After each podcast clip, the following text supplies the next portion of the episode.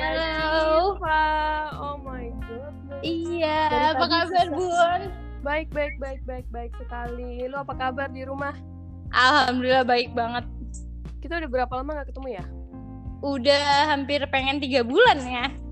Masa sih?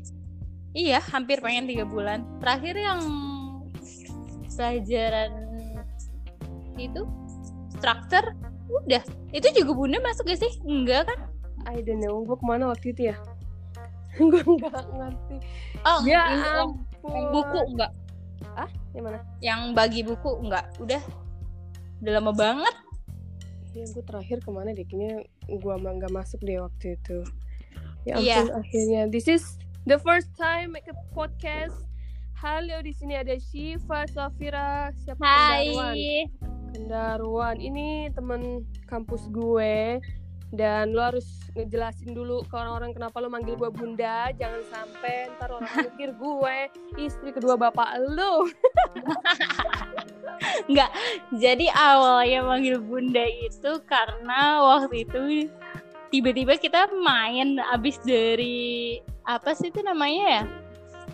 Nggak. Eh, ospek, ospek. Oh iya, Terus kita bener-bener. main. Ternyata paling muda di situ. Terus bingung mau manggil apa ya udah manggil bunda aja. Kurang ajar kan. Ntar gue bikin bunda Sari Show, Eh, show, Karena show. mengayomi, karena mengayomi. Oh, Kalau di kampus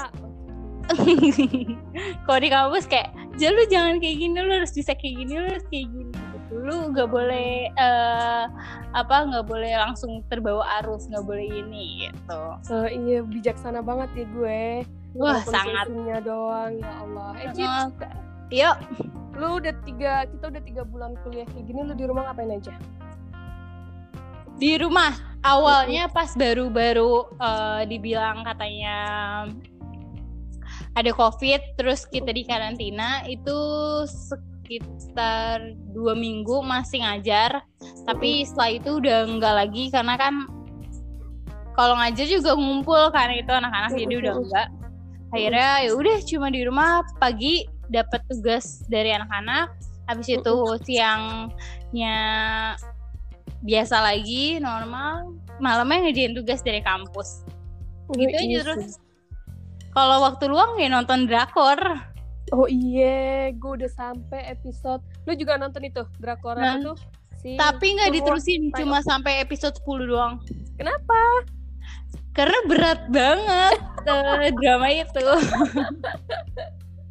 Kalau kalau kalau gue gini ya sebagai eh, perspektif dari seseorang yang udah menikah, kalau gue ngelihatnya kayak gitu tuh ya biasa aja. Gue sampai episode 11 itu sama 12 awal gue belum begitu stres.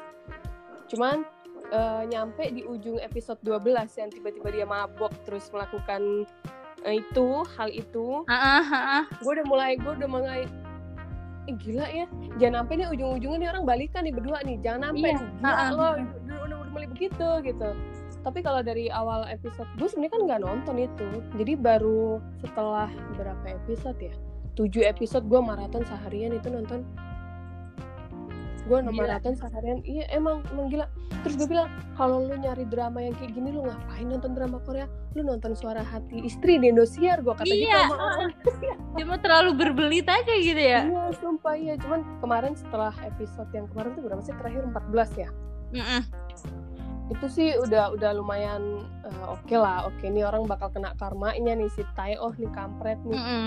Sebenarnya itu kan cuma masalah uang doang. Sekarang siapa yang nggak mau ada orang anak muda, kaya, cakep ya kan? Dan dia bisa nyelamatin ke Karirnya. keturunan. Eh, iya, siapa yang nggak mau? Cuman ya udah jangan diikutin kayak gitu. Dosa, jangan diikutin. Biar biar mereka-mereka aja. itu Eh, tuh cuma berat gini. banget kalau misalnya buat kayak seumuran kayak Iya, gitu ya itu berat banget kayak ah pusing udahlah gitu ngapain sih gitu Iya, jadi gue gue pernah ada punya temen yang dia sampai sekarang belum menikah, cuman gara-gara ngelihat uh, circle-nya dia tuh kayak gitu semua gitu, banyak yang kayak gitu, jadi dia takut kalau nanti uh, rumah tangga dia atau nasib pernikahan dia akan seperti itu. Cuman kalau gue mikirnya yang namanya orang rumah tangga itu kan pasti ada aja yang uh, kayak uh, ngedistract gitu kan ah. Dan kan itu kan pilihan dari kita buat buat karena yang selalu gue bilang sama teman kita yang waktu itu nikah buru-buru itu.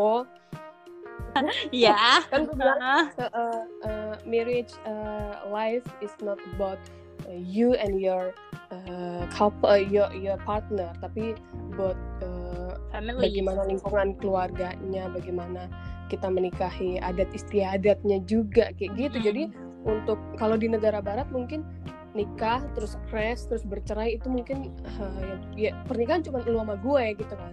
Cuman kalau di kita orang-orang timur apalagi gue sebagai orang Jawa seba- eh, seberat apa pun pernikahan ya emang harus dijaga banget gitu. Jadi kadang-kadang kayak eh, mikirnya gila ya eh, jadi kayak apa terikat kan akhirnya kan makanya gue gue bilang banget sama orang-orang tuh lu jangan nikah muda dulu.